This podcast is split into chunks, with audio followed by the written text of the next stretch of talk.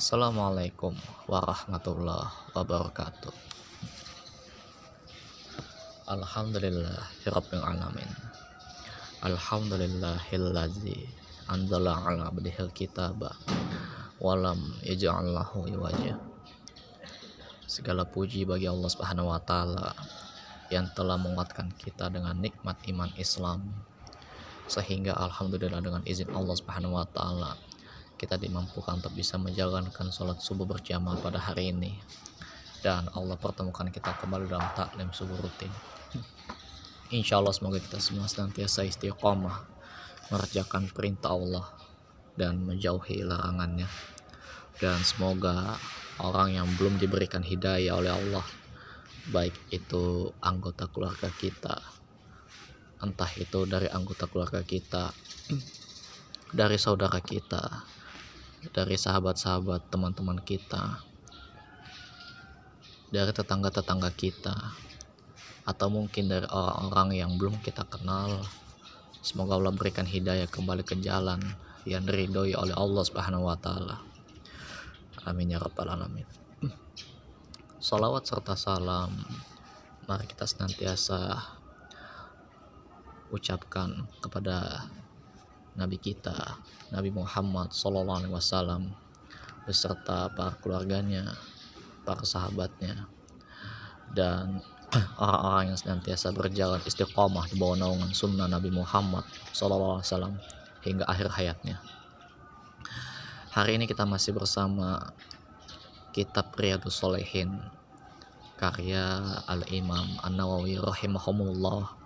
Semoga Allah merahmati beliau, keluarganya, guru-guru beliau, orang-orang yang beliau cintai karena Allah Subhanahu wa taala dan juga seluruh kaum muslimin di mana pun berada baik generasi beliau generasi sebelum beliau maupun generasi kita dan yang akan datang dan seterusnya. Hadirin Allah muliakan kita masih bersama bab takwa masih bersama hadis pertama hadis pertama dari bab takwa itu adalah hadis dari Abu Hurairah radhiyallahu anhu. Masih membahas tentang salah satu kisah orang yang bertakwa yakni Nabi Yusuf alaihissalam jika kita ulang kembali dalam kitab Redus Solihin kita ulang kembali kita review sejenak hadisnya. Qala ya Rasulullah man akramun nas? Nah ditanyakan oleh para sahabat wahai Rasulullah siapakah yang paling mulia maka Rasulullah bersabda qala atsqahum Beliau menjawab yang paling mulia itu adalah yang paling bertakwa. Lalu setelah itu para sahabat mengatakan, "Faqalu laisa an haza nas'aluk." Bukan itu yang kami tanyakan kepada Anda. Bukan itu yang kami tanyakan. Lalu qala Rasulullah menjawab langsung, "Fa Yusufu Nabiullah ibnu Nabiullah ibni Nabiullah ibni Khalilillah." Beliau menjawab, Yusuf Nabi Allah, putra Nabi Allah, Yakub, putra Nabi Allah Ishak, putra Khalilullah Ibrahim alaihissalam. Jadi menyebutkan silsilah ya, Yusuf bin Yusuf bin Yakub bin Ishak bin Ibrahim alaihissalam. Lalu para sahabat kembali mengatakan kalimat yang sama. Laisa an hazanas aluk. Bukan itu yang kami tanyakan kepada Anda. Naqala, maka Rasulullah bersabda, fa'an ma'adinil arabi tas'aluni khiyaruhum fil jahiliyati khiyaruhum fil islami iza faquhu. Maka beliau bersabda, maksudmu tentang turunan bangsa Arab yang kalian tanyakan yang terbaik di masa jahiliyah adalah yang terbaik di masa Islam jika benar-benar mereka mengerti syariat-syariat Allah Subhanahu wa taala. Itu syaratnya. Dan hari hadirin Allah muliakan kita masih bersama kisah Nabi Yusuf alaihissalam. Kita bisa mengambil pelajaran takwa dari beliau dalam suatu situs dari kisah muslim.com silahkan dibaca di sana. Ada kisah Nabi Yusuf alaihissalam yang bisa dibaca. Kemarin kita sudah sampai ke surat Yusuf ayat 42 surat Yusuf ini kita bacakan karena memang inilah sumber asal muasal kisah Nabi Yusuf alaihissalam. Kalau kemarin kita sampaikan di ayat 42 nya Allah berfirman waqala lillazi dhanna annahu najin minhuma zkurni inda rabbika fa ansahu syaitanu zikra rabbihi falabisa fis sajni bid'ain sinin Dan Yusuf berkata kepada orang yang diketahuinya akan selamat di antara mereka berdua. Kemarin dijelaskan yang selamat itu adalah pemberi minum raja. Gitu ya. Nah, terangkanlah keadaanku kepada tuanmu. Begitu kata Yusuf kepada pemberi minum raja tersebut. Maka setan setelah itu menjadikan dia lupa menerangkan keadaan Yusuf kepada tuannya. Sehingga tetaplah dia Yusuf dalam penjara beberapa tahun lamanya. Gitu ya. Kemarin sudah dibahas dalam tafsir Sa'di bahwasannya dua orang ini masuk dalam penjara bersama-sama Yusuf. Dua orang ini masuk penjara karena dituduh ingin meracuni sang raja ya atau sang majikan begitu ya. Nah, lalu kita lanjut tentang raja bermimpi kalau tidak salah kemarin sudah dijelaskan besok judulnya tentang itu hari ini judulnya tentang itu maksudnya. Jadi setelah dikisahkan Nabi Yusuf alaihissalam tetap tinggal di penjara beberapa tahun lamanya nah pada suatu hari raja tidur dan bermimpi melihat tujuh ekor sapi yang gemuk. Tujuh ekor sapi yang gemuk ini dimakan oleh tujuh ekor sapi yang kurus ya ini tujuh ekor sapi gemuk gitu. Tiba-tiba ada tujuh ekor sapi yang kurus memakan masing-masing tujuh tujuh ekor sapi tersebut. Masing-masing satu gitu ya. Dan tujuh bulir gandum yang hijau dan tujuh bulir gandum yang lainnya yang kering. Maka raja pun segera bangun dari tidurnya dalam keadaan terkejut tuh. Ia pun segera mengumpulkan para pemukanya dan menceritakan mimpinya itu serta meminta mereka menakwil mimpi itu, menafsirkan mimpi tersebut. Tetapi mereka semua tidak sanggup, nggak ngerti gitu, nggak paham. Apa nih maksudnya? Tujuh ekor sapi yang gemuk, dimakan sama tujuh ekor sapi yang kurus masing-masing yang kurus ini memakan satu yang gemuk gitu apalagi tafsir tentang takwil tentang tujuh bulir gandum. Yang hijau yang tujuh lainnya kering. Hmm. tujuh bulir gandum lainnya kering. Nah mereka juga berusaha memalingkan raja dari mimpi itu agar tidak dibuat cemas olehnya sambil berkata dan perkataannya ini diabadikan dalam surat Yusuf ayat 44 Waqala allazi Oh maaf salah. Qalu adgosu ahli ahlamin wa ma nahnu bitawilil ahlami i'alimin kurang lebih artinya itu adalah mimpi-mimpi yang kosong. Dan kami sekali-kali tidak tahu mentakwilkan mimpi itu. Itu perkataan oleh para pemuka ya yang diminta untuk menakwilkan mimpi tersebut meskipun demikian raja tetap gelisah atas mimpinya itu dan terus berusaha mengetahui maksud mimpinya hingga akhirnya tukang pemberi minum raja ingat tuh dengan Nabi Yusuf dan meminta raja masuk ke dalam penjara untuk menemui Yusuf. Alhamdulillah Allah kasih pertolongan kembali. Sempat dibikin lupa sama setan. Namun setelah itu Allah kasih pertolongan. Nah ketika itulah ia meminta Nabi Yusuf menakwilkan mimpi raja itu. Maka Yusuf menakwilkannya. Nah konon ditakwilkan oleh Nabi Yusuf alaihissalam tentang tujuh ekor sapi yang gemuk dimakan tujuh ekor sapi yang kurus dan ditambah lagi tujuh bulir gandum yang hijau dan tujuh bulir gandum lainnya kering.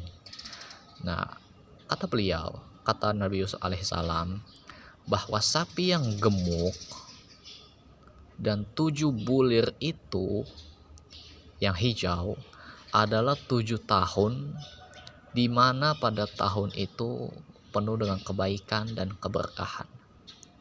Sebagaimana kita lihat terdapat pada sapi yang gemuk tentu akan melahirkan banyak kebaikan dan keberkahan di situ. Mulai dari susunya yang bisa diperah dan juga kulitnya dagingnya bisa dimanfaatkan oleh manusia. Dan juga begitu pun dengan tujuh bulir gandum yang hijau. Tapi bukan itu poin pentingnya sebetulnya. Nabi Yusuf alaihissalam tidak hanya menakwilkan mimpi tidak sekedar itu tetapi menawarkan cara terbaik bagi mereka dalam mengatasinya yaitu mereka harus menyimpan hasil tanaman mereka untuk menghadapi tahun-tahun kemarau dengan cara membiarkan dibulirnya kecuali sedikit untuk dimakan sampai Allah akan membukakan kelapangan. Seperti itu. Ketika tukang pemberi minum raja telah mengetahui takwilnya, maka ia segera kembali ke raja dan memberitakan apa yang dikatakan Yusuf kepadanya. Maka raja pun bergembira sekali. Lalu raja bertanya tentang orang yang menakwil mimpinya itu, maka tukang pemberi minum raja memberitahukannya, yaitu Yusuf alaihissalam. Mendengar jawabannya, maka raja segera meminta Yusuf dibawa ke hadapannya. Masya Allah Ta'ala, udah lama di penjara sampai dibikin lupa sama setan tuh, nggak kasih kabar. Tapi ternyata ketika ada mimpi gitu, nah mimpi itu salah satu bentuk pertolongan Allah Subhanahu Wa Ta'ala. Jadi mimpi itu ada ke dalam raja. Nah raja ini meminta para pemuka tadinya untuk menakwilkan mimpi. Namun ternyata tidak dapat.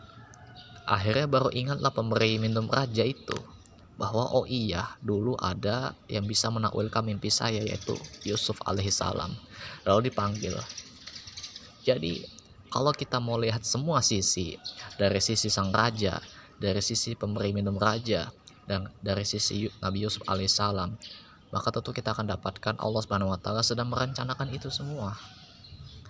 Tapi kadang kita ngotot dari satu sisi aja sih hadirin. Ih gimana nih kapan Allah ngasih pertolongan? Padahal di saat bersamaan bisa jadi ada orang lain yang Allah gerakkan untuk menolong kita. Kitanya aja yang nggak sabar. Tapi Nabi Yusuf sabar, santai. Nggak ngedumel, eh apanya ini nggak dipanggil-panggil lama amat ini. Udah berapa tahun? Nggak ada kita baru sebentar aja udah ngomel-ngomel lah gitu.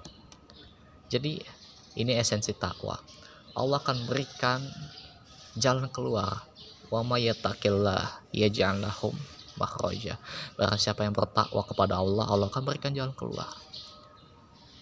Nabi Yusuf alaihissalam hanya fokus menyampaikan menyampaikan apa yang beliau punya dari Allah Subhanahu wa taala, tentang ilmu dari Allah Subhanahu wa taala yaitu takwil mimpi. Adapun hasil beliau menyampaikan, dia nggak terlalu memikirkan. Dia hanya berpikir Allah akan kasih yang terbaik di waktunya. Nah, luar biasa ya. Kita memang perlu belajar dari para nabi dan rasul dan juga para sahabat Nabi Muhammad SAW. Lalu kita lanjut Lalu utusan raja segera menemui Yusuf dan menyuruh Yusuf mengikuti ajakan raja untuk menemuinya. Tetapi Nabi Yusuf alaihissalam menolak menemuinya sampai jelas kebersihan dirinya dan bahwa dirinya tidak bersalah agar raja mengetahui tentang apa yang terjadi pada kaum wanita di kota itu. Nah, akhirnya kita masuk ke periode keluarnya Yusuf dari penjara dan menjadi pejabat Mesir. Maka raja pun mengirim utusan untuk menemui istri Al-Aziz.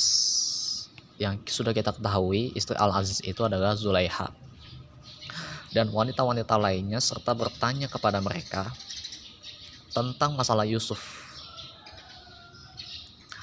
Mereka pun mengakui kesalahan mereka serta menyatakan tobatnya. Lalu mereka berkata, Maha suci Allah, kami tidak mengetahui sesuatu keburukan darinya Lalu Zulaiha juga menjelaskan kebersihan Yusuf di hadapan manusia. Nah, ketika itulah Raja mengeluarkan ketetapan bersihnya Yusuf alaihissalam dari tuduhan yang ditujukan kepadanya dan memerintahkan agar Yusuf dikeluarkan dari penjara. Ia juga memuliakan Yusuf dan mendekatkan dirinya kepadanya. Lalu raja memberikan pilihan kepadanya untuk memilih jabatan yang ia mau. Maka Nabi Yusuf alaihissalam berkata, Jadikanlah aku bendaharawan negeri Mesir. Sesungguhnya aku orang yang pandai menjaga dan berpengetahuan. Kisah ini ada di surat Yusuf ayat 55. Intinya kalau kita baca surat Yusuf maka akan sangat jelas sekali. Maka Allah firmankan kepada kepada kita semua melalui ayat ini qala qala ja'alni ala khor khazainil ardi inni hafizun alim nah Jadikanlah aku bendaharawan negeri Mesir. Sesungguhnya aku adalah orang yang pandai dan berpengetahuan. Begitu.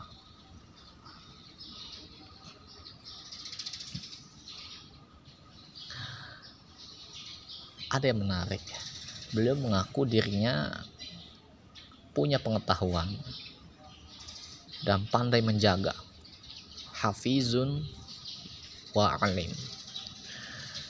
Yusuf memuji dirinya. Hal ini diperbolehkan jika lawan bicara tidak mengetahui perihal dirinya karena sesuatu yang penting. Nabi Yusuf alaihissalam menyebutkan bahwa dirinya adalah orang yang pandai menjaga, yang seorang bendaharawan yang dapat dipercaya, lagi berpengetahuan, yakni mempunyai ilmu yang luas dan pengalaman yang banyak. Pekerjaan yang ditanganinya. Uh, kita baca dalam tafsir tafsir Ibnu Kasir Syaiba Ibnu Nu'amah mengatakan bahwa lafaz hafiz artinya dapat menjaga apa yang dititipkan kepadanya dan lafaz alim artinya mengetahui akan musim paceklik mendatang dan hal ikhwalnya. Demikianlah menurut riwayat Ibnu Abu Hatim. Lafaz hafiz artinya dapat menjaga apa yang dititipkan kepadanya. Nah, biasa kita menyebut hafiz ini dengan hafiz Quran ya. Art, kalau dipakai bahasa itu artinya menja dapat menjaga apa yang dititipkan oleh Allah kepada hafiz Quran tersebut berupa ilmu Al-Quran. Entah itu tafsirnya, entah itu tajwid, tahsin, dan seterusnya ya. Nah, Nabi Yusuf alaihissalam meminta pekerjaan itu karena ia memiliki pengetahuan yang menguasai bidang tersebut dan ia dapat menanganinya serta akan membawa kemaslahatan bagi manusia. Seperti itu.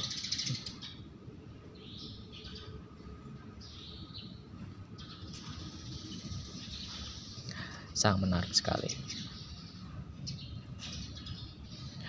Simpelnya, raja pun setuju terhadap permintaan Yusuf itu karena amanah dan ilmunya hadirin. Jadi ini sangat penting ketika kita diamanahkan sesuatu. Kita belajar untuk menjaganya. Dan untuk menjaganya tentu perlu dengan ilmu hadirin. Ilmu bahwasanya Allah selalu mengawasi dirinya sebagaimana dijelaskan dalam bab muraqabah sebelumnya ya. Selanjutnya, apa yang dimimpikan raja pun terwujud satu persatu intinya di tengah-tengah pembagian bahan pak makanan pokok yang dilakukan Yusuf kepada rakyat, tiba-tiba Yusuf bertemu dengan orang-orang yang ia kenal, baik bahasanya, fisiknya, dan nama-namanya. Orang-orang ini datang secara tiba-tiba tanpa disadari sebelumnya. Dan ternyata mereka adalah saudara-saudaranya, anak-anak ayahnya, Nabi Yakub alaihissalam. Sebagaimana yang kemarin sudah dijelaskan dalam ayat sebelumnya bahwa Nabi Yusuf alaihissalam nanti akan memberitahukan kisah mereka yang sebenarnya sedangkan mereka sendiri lupa gitu hadirin kalau kita ingat di surat Yusuf ayat 15 kalau kita baca dengan lengkap Maka isi ayatnya adalah falam mazahabu bihi wa ajma'u an yaj'alu fi batil hubbi wa auhayna ilaihi latunab bin annahum bi amrihim haza wahum la yash'urun maka tak kala mereka membawanya dan sepakat memasukkannya ke dasar sumur kita flashback kemarin dan di waktu dia sudah dalam sumur Allah wahyukan kepada Yusuf. Sesungguhnya kamu akan menceritakan kepada mereka perbuatan-perbuatan mereka ini, sedangkan mereka tidak ingat lagi. Itu hadirin. Kita flashback lagi ke ayat 15 sebelumnya. Ayat surat Yusuf ayat 15. Nah, ternyata konon mereka ketemu lagi di akhirnya. Nabi Yusuf alaihissalam mengenali mereka. Dan seperti yang sudah difirmankan Allah Subhanahu wa taala, mereka tidak mengenalnya lagi tidak mengenal Nabi Yusuf. Tapi Nabi Yusuf mengenali saudara-saudaranya ini. Mereka lah yang dahulu melempar Yusuf ke dalam sumur ketika masih kecil. Namun sekarang mereka datang karena butuh bahan makanan. Nah, Nabi Yusuf alaihissalam pun berbuat baik kepada mereka dan mereka juga bermuamalah secara baik kepadanya. Selanjutnya Yusuf menanyakan keadaan mereka dan jumlah mereka. Lalu mereka memberitahukan bahwa, bahwa jumlah mereka ada 12 orang dan seorang dari mereka pergi dan masih ada saudara kandungnya yang sedang bersama ayahnya karena ayahnya mencintainya dan berat melepas dia. Setelah Yusuf menyiapkan bahan makanan untuk mereka, di mana masing-masing mereka memperoleh seukuran beban unta. Nah, maka Yusuf berkata, dan perkataannya ini diabadikan di surat Yusuf ayat 59. Kita sambil baca tafsir Kasir sekalian. Nah, di situ Allah berfirman di surat 59, "Walam majahazahum bijahazihim qala tukni bi akhilahin lakum min abikum al ala tarawna inni ufil kailah wa ana khairul munzilin dicek ulang nanti ya dicek ulang ayatnya bahwalah kepadaku saudaramu yang seayah dengan kamu.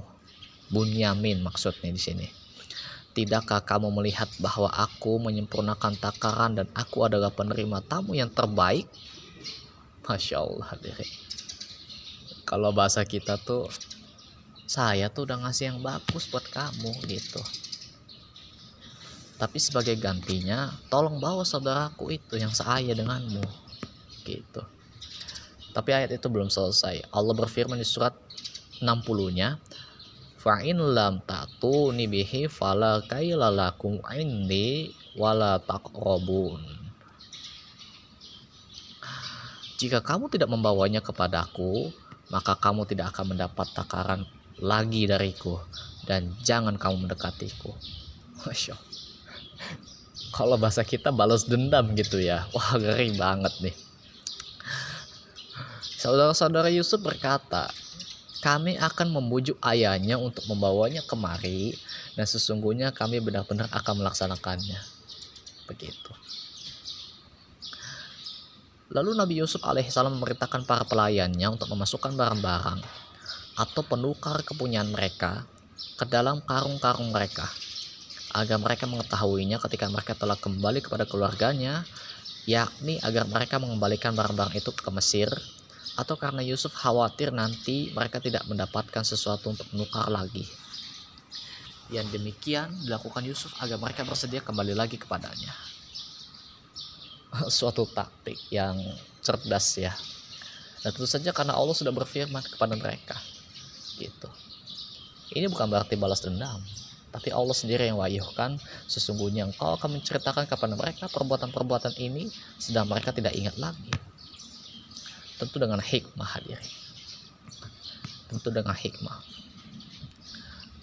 Nah kemudian saudara-saudara Yusuf pulang menemui ayahnya. Kalau tidak salah kita cek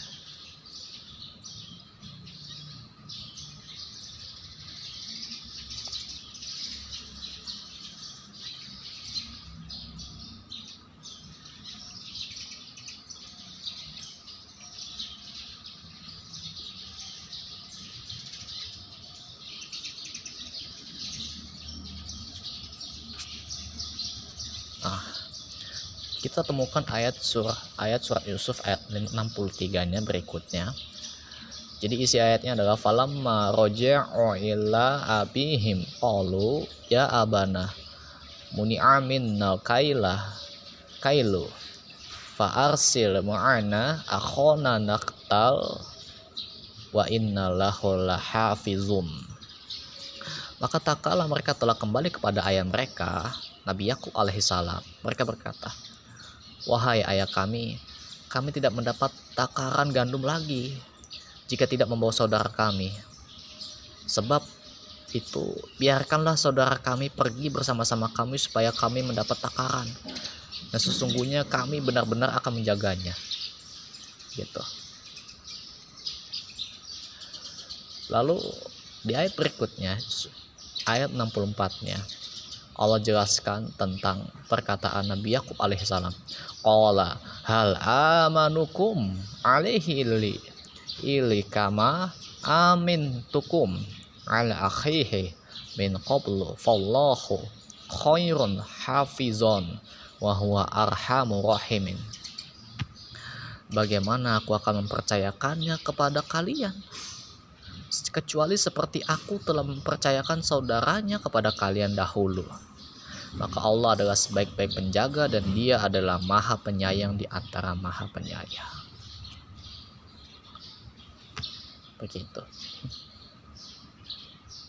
Jadi simpelnya Nabi Yakub menolaknya. Kemudian saudara-saudara Yusuf pergi mendatangi barang mereka untuk mengeluarkan isi barang bawaan mereka tetapi mereka dikejutkan dengan adanya barang mereka yang lama yang mereka jadikan sebagai alat tukar maka mereka memberitahukan kepada ayah mereka bahwa barang bawaan mereka dikembalikan dan mereka pun segera mendesak ayah mereka dengan menyebutkan maslahatnya bagi keluarga mereka ketika memperoleh makanan. Mereka juga menguatkan azamnya untuk menjaga saudara mereka yang bernama Bunyamin. Mereka juga mendorong ayah mereka dengan sungguh-sungguh agar takaran bagi saudara mereka bertambah. Karena Yusuf memberikan untuk setiap orangnya seukuran beban unta. Aduh, dilema nih gitu ya. Kok rasanya kami dikerjai gitu.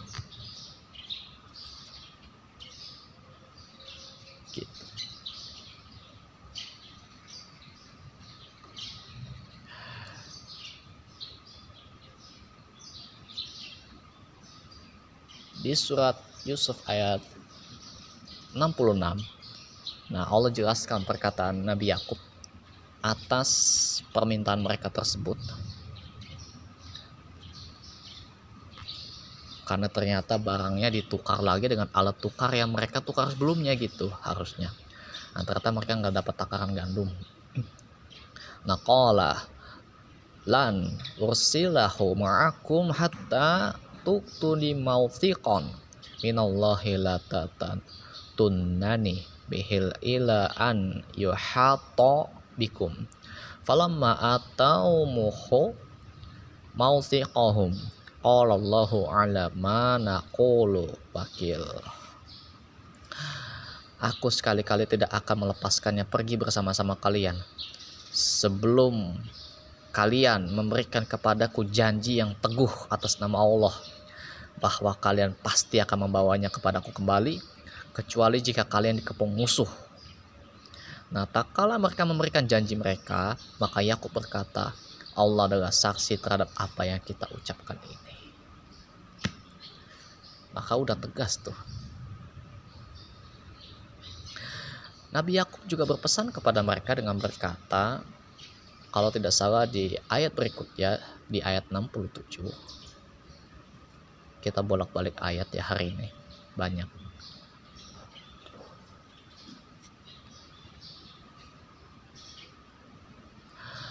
Waqala ya Nab. Baniyah la tadkhulu min babin wahidin wadkhulu min abwabin mutafarwaqatin wa ma ugni ankum minallahi min syai'in ini hukmu illa lillahi alaihi tawakkaltu alaihi falyatawakkalil mutawakkilun.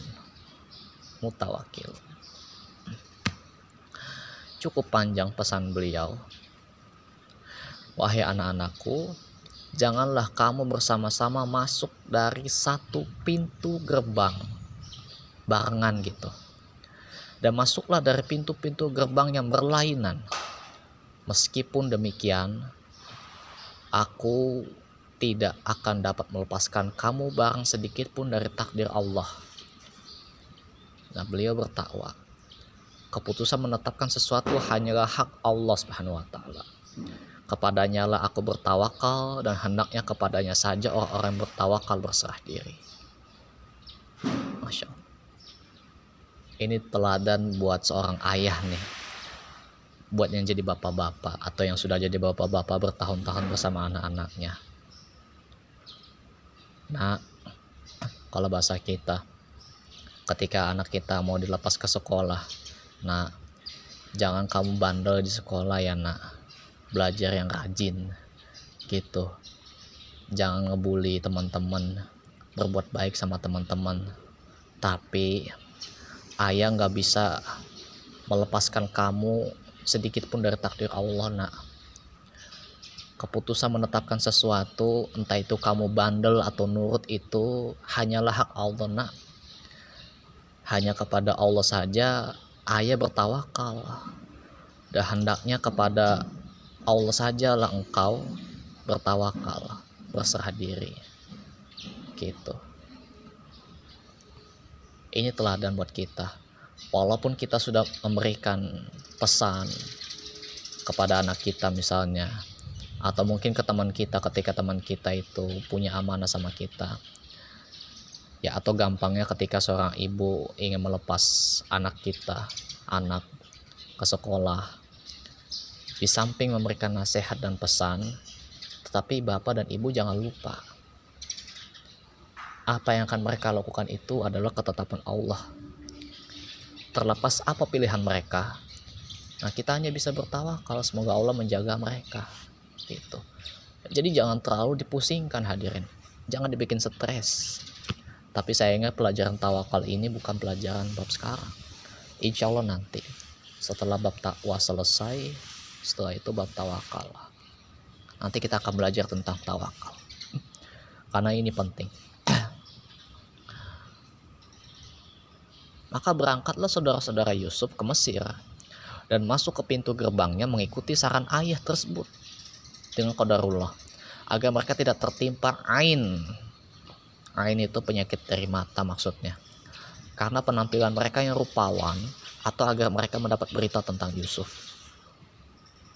Nanti bisa belajar dari ustadz lain tentang apa itu ain penyakit dari mata. Nah selanjutnya ketika mereka telah berada di depan Yusuf maka Yusuf mengajak saudaranya yang paling kecil itu yaitu Bunyamin mendekatkannya dan berbincang-bincang secara berduaan dengannya dan memberitahukan bahwa dirinya adalah Yusuf saudaranya. Nah, tidak sampai di situ hadirin. Allah jadikan Nabi Yusuf alaihissalam punya siasat agar saudara kandungnya tetap bersamanya, Bunyamin tersebut. Selanjutnya disiapkanlah perbekalan untuk saudara-saudara Yusuf agar mereka pulang dengan membawanya Tiba-tiba Yusuf ingin saudaranya tetap bersamanya. Maka Yusuf menyuruh para pelayannya meletakkan piala atau tempat minum ke dalam karung saudaranya. Kemudian berteriaklah seseorang sambil menyerukan, Wahai kafilah, sesungguhnya kamu adalah orang-orang yang mencuri. Kemudian saudara-saudara Yusuf pun segera menanyakan sesuatu yang hilang itu. Lalu orang yang berseru itu memberitahukan bahwa piala raja hilang dan raja telah menjanjikan untuk memberikan upah berupa bahan makanan seberat beban unta. Tetapi saudara-saudara Yusuf tidak menerima tuduhan itu, sehingga muncul dialog yang dalam dengan Yusuf. Mereka bukan sebagai pencuri, dan mereka pun mau bersumpah untuk hal itu. Lalu para penjaga berkata, "Apa balasannya jika kamu dusta? Jika kamu bohong?" Mereka menjawab, "Balasannya ialah pada siapa ditemukan barang yang hilang dalam karungnya, maka dia sendirilah balasannya, tebusannya. Masya Allah. Menurut syariat Nabi Yakub alaihissalam, bahwa barang siapa mencuri maka hukumannya ialah si pencuri dijadikan budak satu tahun bagi orang yang dicuri. Jadi syariat tiap nabi itu ada yang berbeda-beda hadirin. Tidak semuanya sama. Ada syariat buat semua nabi dan rasul, ada syariat yang hanya dikhususkan bagi nabi tertentu. Nah, di syariat Nabi Yakub alaihissalam, di zaman Nabi Yakub alaihissalam, siapa saja yang mencuri, misalnya si A mencuri si B gitu ya. Si A ini mencuri hartanya si B. Maka hukumannya adalah si A ini dijadikan budak satu tahun untuk si B. Begitu loh maksudnya.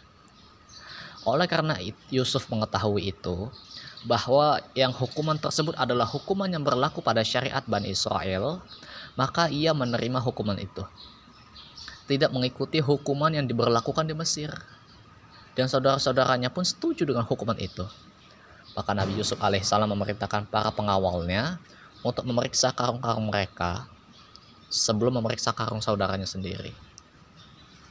Kemudian mereka menemukan piala raja itu dari karung saudaranya Nah, mereka saudara-saudara Yusuf itu pun berkata, jika ia mencuri, maka sesungguhnya telah pernah mencuri pula saudaranya sebelum itu.